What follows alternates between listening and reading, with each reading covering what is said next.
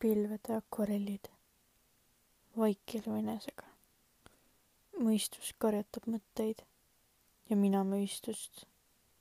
tunded puhkavad, kull aga tiirleb ja tiirleb. tema tiivaotsaga päike signeerib maali ja uinub. tere tulemast tagasi kuulama saadet Reisile luulega. saatega teeme maailmale ringi ümber tutvustades igast riigist ühte luuletajat. täna oleme jõudnud Lätti. analüüsimiseks valisin välja Gunter Skotšini luulekogu Ööpäike. analüüsin luulekogu ülesehitust, tsükleid ja teisi säärasusi.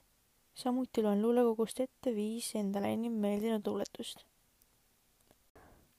luulekogu Ööpäike on välja antud aastal kaks tuhat autor Gunter Skotšin ise on sündinud aastal tuhat üheksasada viiskümmend kaheksa ning ta on peale luuletajaameti ka eesti kirjanduse tõlkija. kõige tuntum raamat, mida ta on eesti keelest läti keelde tõlkinud, on Kalevipoeg.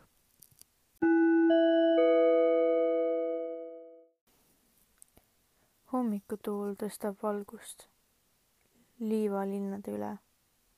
taevas taevasse vaatab järve peeglite kaudu kui lühike on öötunnel, millest läbi on sööstnud hinguste rongid, värinal seosetus sonimises. unenägude värv koorub maha ja mustvalge päev toob higi liigtarkuse laubale. seisame sillal, mis ei toetu kallastele, vaid su langete tripsmete varjudele. valisin selle luuletuse ettelugemiseks, sest see on lihtne ja ilus. samuti luuletus tahab öelda nii palju, aga samas nii vähe. kogu luulekogu koosneb kaheksakümne kuuest luuletusest. Neist ainult paaril on pealkiri. luuletused on jaotatud nelja ossa. Neid lahutab üksteisest kaks tühja lehte, kus paremal on suurte tähtedega kirjas alapealkiri luulekogu läbivateks teemadeks on ajalugu, tunded ja filosoofia. luules kasutatakse palju sõnakorduseid, mõned luuletused kirjutatud kursiivis või üldse väikeste tähtedega. luuletused on vabavärsilised.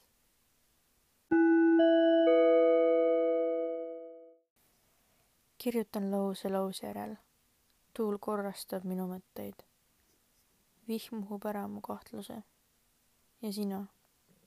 sulle jääb see, mida tunnen, vaadates kaugusesse. seal, nende metsade taga, algab päikese tsivilisatsioon. kurvad lindude kellad igal veerandtunnil. valisin ettelugemiseks selle luuletuse, sest lugedes seda luuletust, sa tunned autori oma emotsioone selle luuletuse kirjutamisel ning et ta on ilmselgelt väga seotud selle luuletusega. mulle väga meeldis seda luulekogu lugeda. iga luuletus rääkis erineva loo ning kokku lõid luuletused ühe terviku. oli aru saada, et luuletuste sisu on autorile väga oluline ning lugedes seda luulekogu õppisin ma natuke lähemalt tundma autori hingeelu, mis luuletuste põhjal tundub küll sünge, aga ka filosoofiline ja poeetiline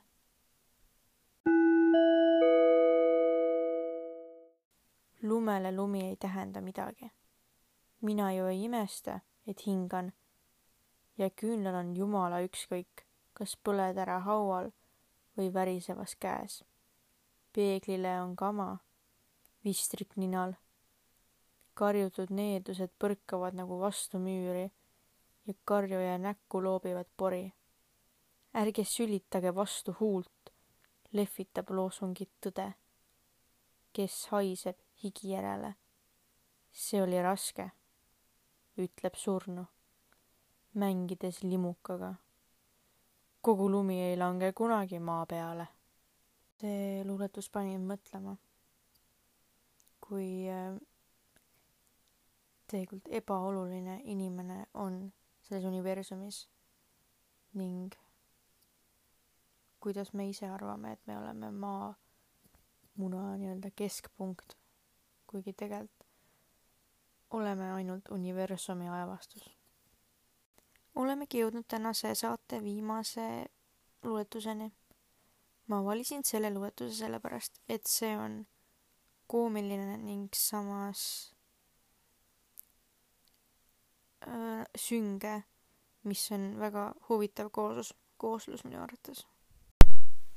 järgmine episood juba järgmisel nädalal. Peatse kohtumiseni. toolid tulid pidulikult lauda. laest laskus alla lamp, elegantselt kui ämblik. raamatud otsima valgust tõusid ööliblika tiivul. diivan sirutas jalad välja ja haigutas. aknad tõmbasid kardinad eest ja hõõrusid silmi. uks paotas pisut suud, et midagi öelda või neelata alla. Kapist väljusid särgid ja püksid ja mantlid ja lipsud, et langeda kaela vaikusele. aknalaual vastsurnud kärbes vähehaaval muundus oma varjuks kukkus tänavale ja kadus. mina istusin nurgas kui maha visatud kott ja mõtlesin, kui elutu on elav. varahommikul möödudes leidis mind surnuna lill, kes juhtus minema kööki jooma.